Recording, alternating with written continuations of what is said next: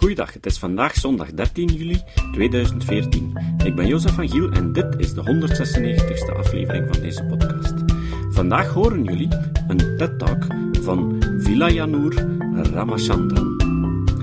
Nicolette Marier vertaalde het en Riek de Laat heeft de vertaling gecontroleerd. Drie aanwijzingen om je hersenen te begrijpen. Ik bestudeer het menselijk brein, de functies en de structuur van het menselijk brein. Om u een idee te geven van wat dat precies inhoudt, we hebben het over bijna anderhalve kilo geleiachtige massa die met gemak in de palm van je hand past, maar ook in staat is tot beschouwingen over de interstellaire ruimte. Het brein denkt na over oneindigheid, maar ook over het feit dat het gedachten heeft over oneindigheid. Dit merkwaardige, recursieve proces noemen we het zelfbewustzijn, de heilige graal van de neurowetenschap of neurologie. We hopen ooit te begrijpen hoe dit proces in elkaar steekt. Hoe bestudeer je dit mysterieus orgaan? Er zijn wel 100 miljard zenuwcellen, hoopjes protoplasma die voortdurend op elkaar reageren. Uit die activiteit komen de talloze vermogens voort die tezamen de menselijke aard, oftewel het bewustzijn, vormen. Hoe gaat dat in zijn werk? We kunnen de functies van het menselijke brein op vele manieren bestuderen. Vaak kijken we naar patiënten met beschadigingen in een klein deel van de hersenen, waardoor er een cognitieve verschuiving heeft plaatsgevonden. Er is dan niet zozeer sprake van een algehele teloorgang van het verstandelijke vermogen, de cognitieve vaardigheden zijn niet afgestomd. Er is sprake van selectief verlies aan één functie, terwijl de overige functies intact blijven. Dat geeft voldoende zekerheid om vast te stellen dat dat deel van het brein betrokken is bij die functie. We plaatsen de functie binnen de structuur van het brein en gaan dan na hoe er verbindingen worden gemaakt om die specifieke functie te genereren. Zo gaan we te werk. Ik zal u nu drie interessante voorbeelden geven. Voor ieder voorbeeld trek ik zes minuten uit. Allereerst het eigenaardige syndroom van Capgras. Aan de binnenzijde van de temporale kwabben bevindt zich de gyrus fasciformis.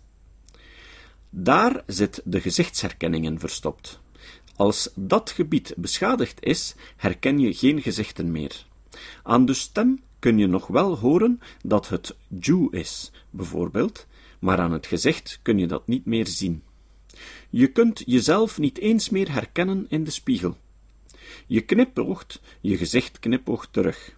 Je weet dat het een spiegel is, toch herken je jezelf niet als zodanig. Dit syndroom ontstaat door schade aan de gyrus fusiformus. Er is echter nog een ander syndroom, dat zo zeldzaam is dat slechts een handjevol artsen en neurologen het kent. Capgras-waan.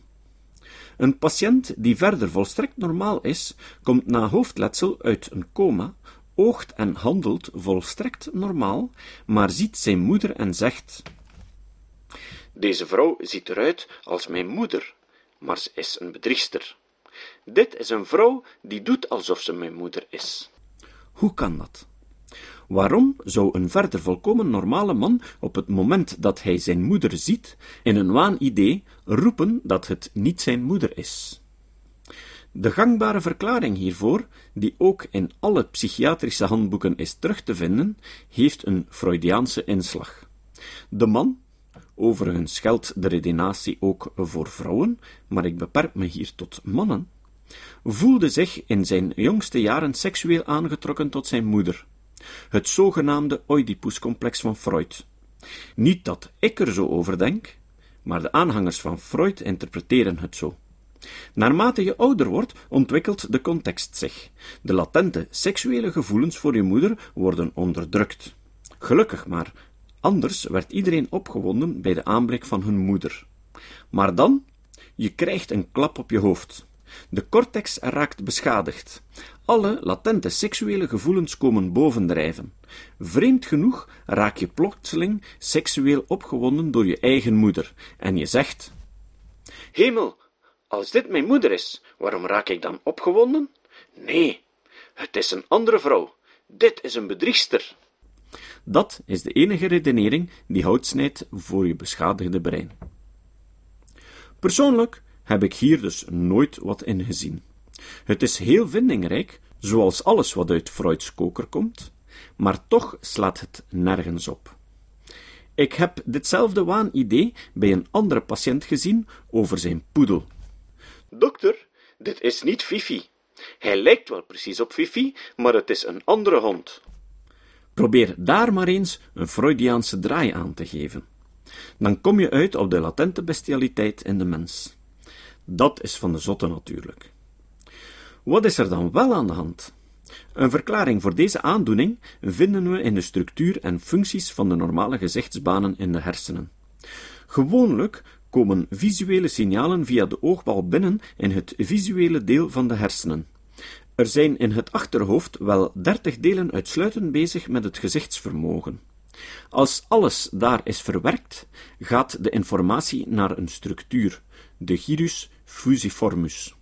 Daar bevinden zich neuronen die gevoelig zijn voor de vorm van gezichten. Daar zit dus de gezichtsherkenning verstopt, waar ik het eerder over had. Als dat deel van de hersenen beschadigd is, zie je gezichten niet meer. Vanuit dat deel gaat de informatie door naar de amygdala, in het limbische systeem. Dat is de emotionele kern van de hersenen. De amygdala bepaalt het emotionele belang van datgene waar je naar kijkt. Is het een prooi? Is het een roofdier? Is het een partner? Of is het iets totaal onbelangrijks, zoals een pluisje, een krijtje, een schoen enzovoort? Iets wat je geheel kunt negeren. Belangrijk is dat de informatie bij stimulering van de amygdala wordt doorgestuurd naar het autonome zenuwstelsel. Je hartslag gaat omhoog. Je begint te zweten om de warmte kwijt te raken die vrijkomt bij lichamelijke inspanning. Wij profiteren daarvan. Met twee elektroden op de handpalmen meten we het verschil in huidweerstand als gevolg van de zweetproductie. Zo gaan we na of je van visuele stimuli opgewonden raakt, of iets je prikkelt of niet. Ik kom daar straks nog op terug. Als deze man zijn blik richt op een willekeurig object, gaat de informatie naar het visuele gedeelte en vervolgens naar de gyrus fusiformus. Het beeld wordt herkend: een plant, een tafel, je moeder. Die informatie wordt doorgegeven aan de amygdala en vervolgt dan zijn weg naar het autonome zenuwstelsel. Maar bij deze persoon is het draadje van de amygdala naar het limbisch systeem, de emotionele kern van het brein, misschien wel stuk. De gyrus fusiformus is intact en dus herkent de man zijn moeder wel.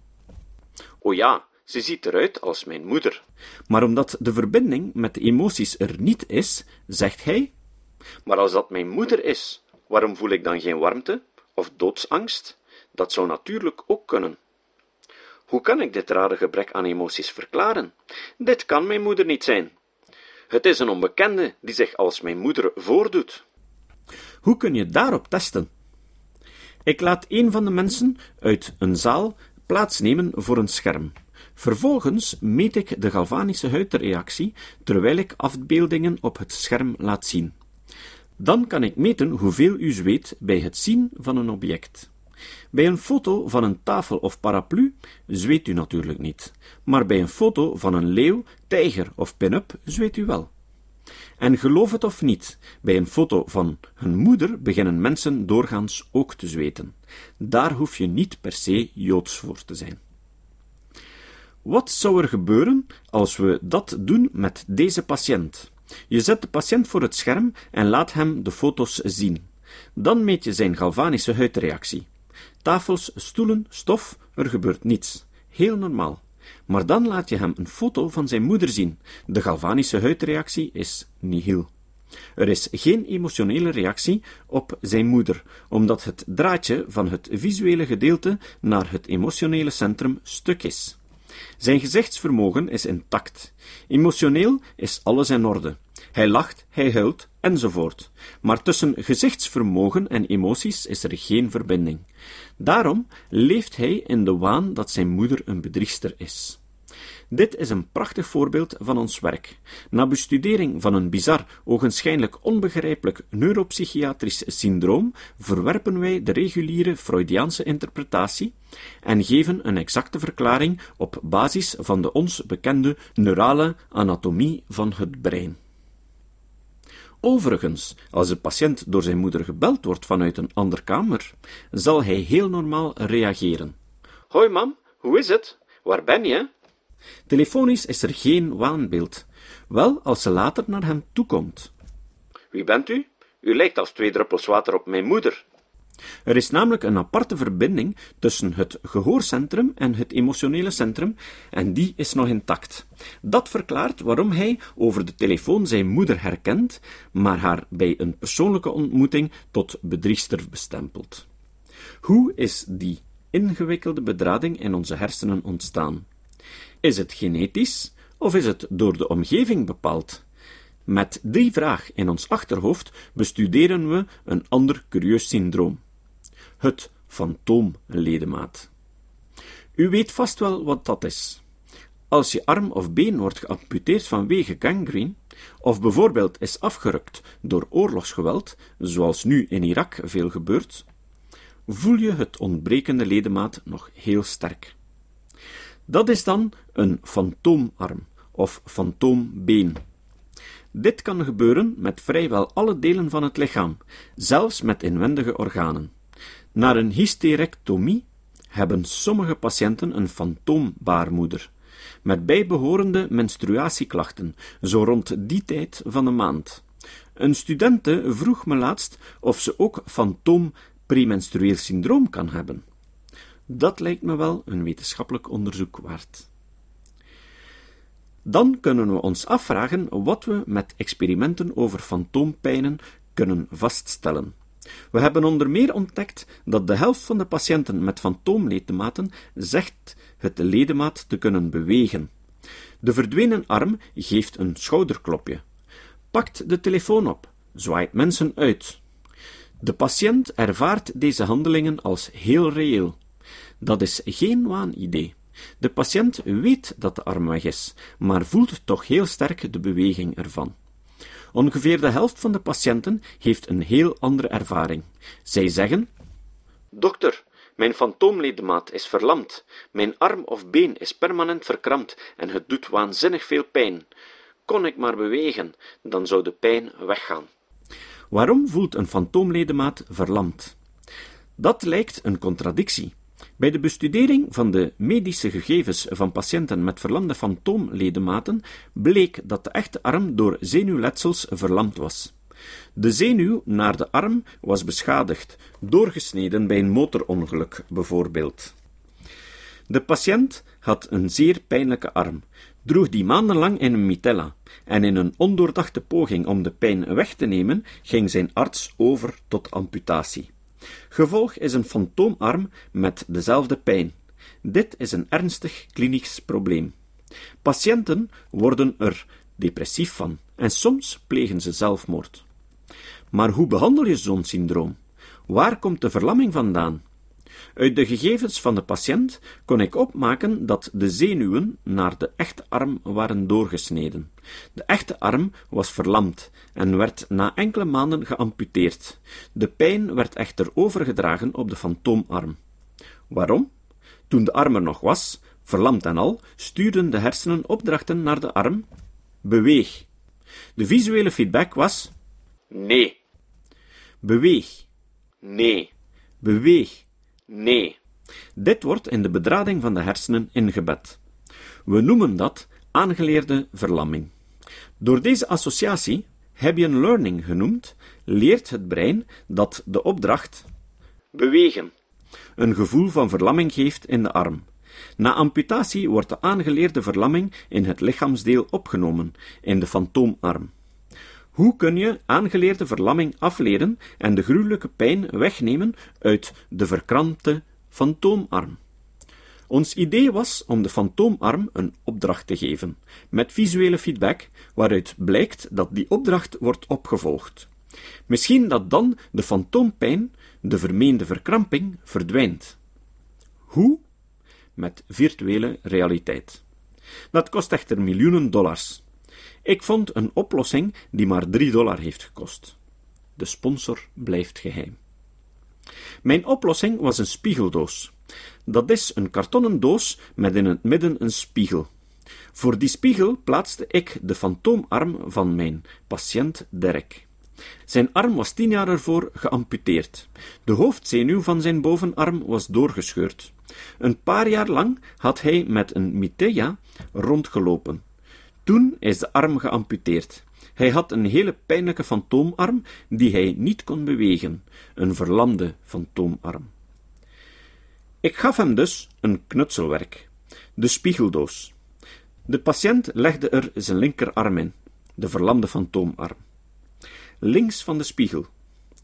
De normale arm legt hij rechts van de spiegel, in dezelfde verkrampte houding. Wat blijkt als hij vervolgens in de spiegel kijkt? Zijn fantoomarm is er weer. Het spiegelbeeld van de normale arm geeft hem tenminste die indruk. Dan vraag ik hem om naar zijn fantoomarm te kijken en zijn vingers te bewegen. Of in de spiegel te kijken en zijn echte vingers te bewegen. Zo krijgt hij een beeld van een bewegende fantoomarm. Heel logisch allemaal. Maar de reactie van de patiënt is verbazend. Mijn fantoomarm beweegt weer. De pijn en de verkramping zijn weg. Mijn eerste patiënt kwam binnen en keek in de spiegel, en ik zei: Kijk naar het spiegelbeeld van je arm. Hij begon te giechelen. Ik kan mijn fantoomarm zien. Die jongen is niet gek. Hij weet dat het een spiegelbeeld is. Maar het gevoel is levensecht. Ik. Beweeg je normale hand en je fantoomhand. Hij. Mijn fantoomarm doet pijn. Die kan ik niet bewegen. Ik. Beweeg je normale hand. Hij. Nu beweegt mijn fantoomarm weer. Ongelooflijk. En mijn pijn hebt weg. Ik zei: Sluit je ogen. Dat deed hij. Beweeg je normale hand. Nee, niets. Weer die kramp. Open je ogen. Nee, niets. Weer die kramp.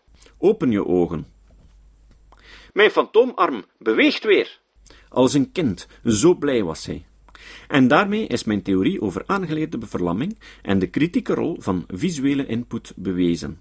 Niet dat ik nu de Nobelprijs krijg omdat iemand mijn fantoomarm weer aan de praat heeft gekregen.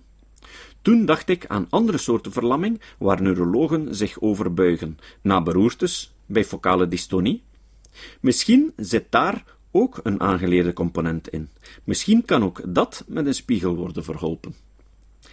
Ik zei tegen Derek, die natuurlijk voor pijnverlichting niet eeuwig met die spiegel kon rondzeulen, Neem dat ding mee naar huis en oefen er een tijdje mee. Misschien dat je dan ook zonder spiegel je verlamde arm weer kunt bewegen. Dan is de pijn voorgoed voorbij. Hij nam de spiegel mee naar huis. Tja, wat geeft het ook? Het ding kostte maar een paar dollar. Na twee weken belt hij mij op. Dokter, dit geloof je niet. Ik? Wat? Hij? Ik ben het kwijt. Ik? Wat ben je kwijt? Ik dacht dat hij misschien de spiegeldoos kwijt was. Hij? Nee, de fantoomarm, waar ik al tien jaar mee rondloop. Die is verdwenen. Bezorgd vroeg ik me af wat deze verandering van zijn lichaambeeld voor gevolgen had, ethisch gezien. Dus vroeg ik of hij het erg vond. Hij? Nee, de laatste drie dagen zit ik zonder fantoomarm en dus zonder pijnlijke elleboog, zonder verkramping, zonder pijnlijke onderarm. Alle pijn is verdwenen. Probleem is wel dat mijn fantoomvingers nog aan mijn schouder hangen. De doos is niet groot genoeg. Kun je het ontwerp aanpassen en op mijn voorhoofd plakken, zodat ik mijn fantoomvingers kan laten verdwijnen? Hij dacht dat ik een soort tovenaar was. Hoe kan dit? De hersenen kampen met grote zintuiglijke tegenstellingen. Het gezichtsvermogen geeft aan dat de fantoomarm er weer is. Maar er is geen signaal van de spieren. De spieren geven juist aan dat er geen arm is. Het motorische gedeelte zegt weer dat er wel een arm is. Na al die conflicterende input beslist het brein dat er geen fantoomarm is. Punt. De hersenen negeren de tegenstrijdige signalen. Met de arm verdwijnt gelukkig ook de pijn. Zonder bijbehorend lichaamsdeel kun je geen pijn voelen. Dat is het mooie ervan. De spiegeldoos is op talloze patiënten uitgeprobeerd, door andere groepen in Helsinki. Mogelijk is het een goede behandeling van fantoompijn. Ook is de doos gebruikt bij revalidatie na een beroerte. Meestal denken we bij een beroerte aan onherstelbare schade aan hersenweefsel. Een deel van die verlamming na beroertes blijkt echter aangeleerd. Misschien dat we met de spiegeldoos daar wat kunnen aan doen. Inmiddels hebben klinische proeven al vele patiënten geholpen. Nu wil ik het over het derde en laatste voorbeeld hebben. Het gaat over het curieuze fenomeen synesthesie. Dat is in de 19e eeuw ontdekt door Francis Galton. Deze neef van Charles Darwin ontdekte dat mensen die voor de rest heel normaal waren, een eigenaardig trekje vertoonden. Bij cijfers zagen ze kleuren. Vijf is blauw, zeven is geel, acht is geelgroen, negen is indigo, en verder was er aan deze mensen niets bijzonders te ontdekken. Soms horen ze bij muzieknoten ook kleuren. De grote terts in fa is groen, weer een ander akkoord is geel. Wat is hier aan de hand? We noemen dit fenomeen synesthesie. Galton beschrijft het als een vermenging van de zintuigen. Bij deze mensen zijn ze vermengd. Waarom? Er zijn twee interessante aspecten aan dit fenomeen. Ten eerste is synesthesie een familietrekje. Galton stelde dat er een erfelijke aandoening was. Het tweede punt brengt me bij het hoofdthema van deze lezing: creativiteit. Synesthesie komt acht keer vaker voor bij artiesten, dichters, schrijvers en andere creatieve mensen. De vraag hoe dat komt is nog nooit beantwoord. Vanavond geef ik echter uitsluitsel. Wat is synesthesie? Hoe ontstaat het? Er zijn veel theorieën in omloop. Een theorie is dat die mensen gek zijn, niet echt wetenschappelijk onderbouwd, dus slaan we die over. Een andere theorie is dat het allemaal door LSD en wiet komt. Daar zit wel wat in. Het komt namelijk veel vaker voor in San Francisco dan in San Diego. Dan nu de derde theorie. Eerst vertel ik u wat er daadwerkelijk gebeurt bij synesthesie. We hebben ontdekt dat kleuren en cijfers in de hersenen naast elkaar worden opgeslagen, in de gyrus fusiformis. Daarom denken we dat de verbindingen naar kleuren en cijfers elkaar daar kruisen. Telkens als je een cijfer ziet, zie je ook een kleur. Zo ontstaat synesthesie. Waarom gebeurt dit? Waarom kruisen de verbindingen elkaar bij sommige mensen? Ik heb al gezegd dat het een familietrekje is. Dat is een belangrijk aanknopingspunt. Ook weten we dat er een abnormaal gen is, een gemuteerd gen, waardoor de kruising ontstaat. Het blijkt dat iedereen zo wordt geboren dat alles met elkaar verbonden is. Alle delen van het brein zijn met andere delen verbonden. Het aantal verbindingen neemt na de geboorte af en uiteindelijk ontstaat de modulaire structuur van het volwassen brein. Stel dat het afnemen voortkomt uit een gen. Als dat gen muteert, nemen de verbindingen tussen aanpalende delen niet altijd af. Blijft er een verbinding tussen cijfers en kleur? Cijfer-kleursynesthesie. Blijft er een verbinding tussen geluid en kleur? Geluid-kleursynesthesie. Heel duidelijk. Wat nu als het gen overal in de hersenen verstek laat gaan en alles met elkaar verbonden blijft? Denk maar aan het gemeenschappelijke vermogen van kunstenaars, schrijvers en dichters, het denken in metaforen, ogenschijnlijk niet gerelateerde ideeën zoals Het is het oosten en Julia is de zon. Als je Julia tot zon bestempelt, dan is ze nog geen gloeiende vuurbal. Alleen schizofrenen zouden dat wellicht denken. Voor normale mensen is ze warm als de zon, stralend als de zon, voedend als de zon. Die verbindingen direct op. Als we uitgaan van een bredere koppeling tussen concepten in verschillende delen van de hersenen, dan voedt dat als vanzelf de neiging tot metaforisch en creatief denken bij mensen met synesthesie. Vandaar dat synesthesie achtmaal vaker voorkomt bij dichters, kunstenaars en schrijvers. Dit is een heel frenologische visie op synesthesie. Ik ga aantonen dat ook jullie onbewust synesthesie ervaren. In de taal van de Marsmannetjes worden de klanken Kiki en Booba voorgesteld door een figuur met rondingen en een figuur met scherpe hoeken. Welke is Kiki en welke is Booba? Als je deze vraag voorlegt aan mensen, dan vindt 99% dat de figuren met rondingen Booba is en die met scherpe hoeken Kiki. Hoe kan dat? Omdat we allemaal een synesthetische abstractie hanteren.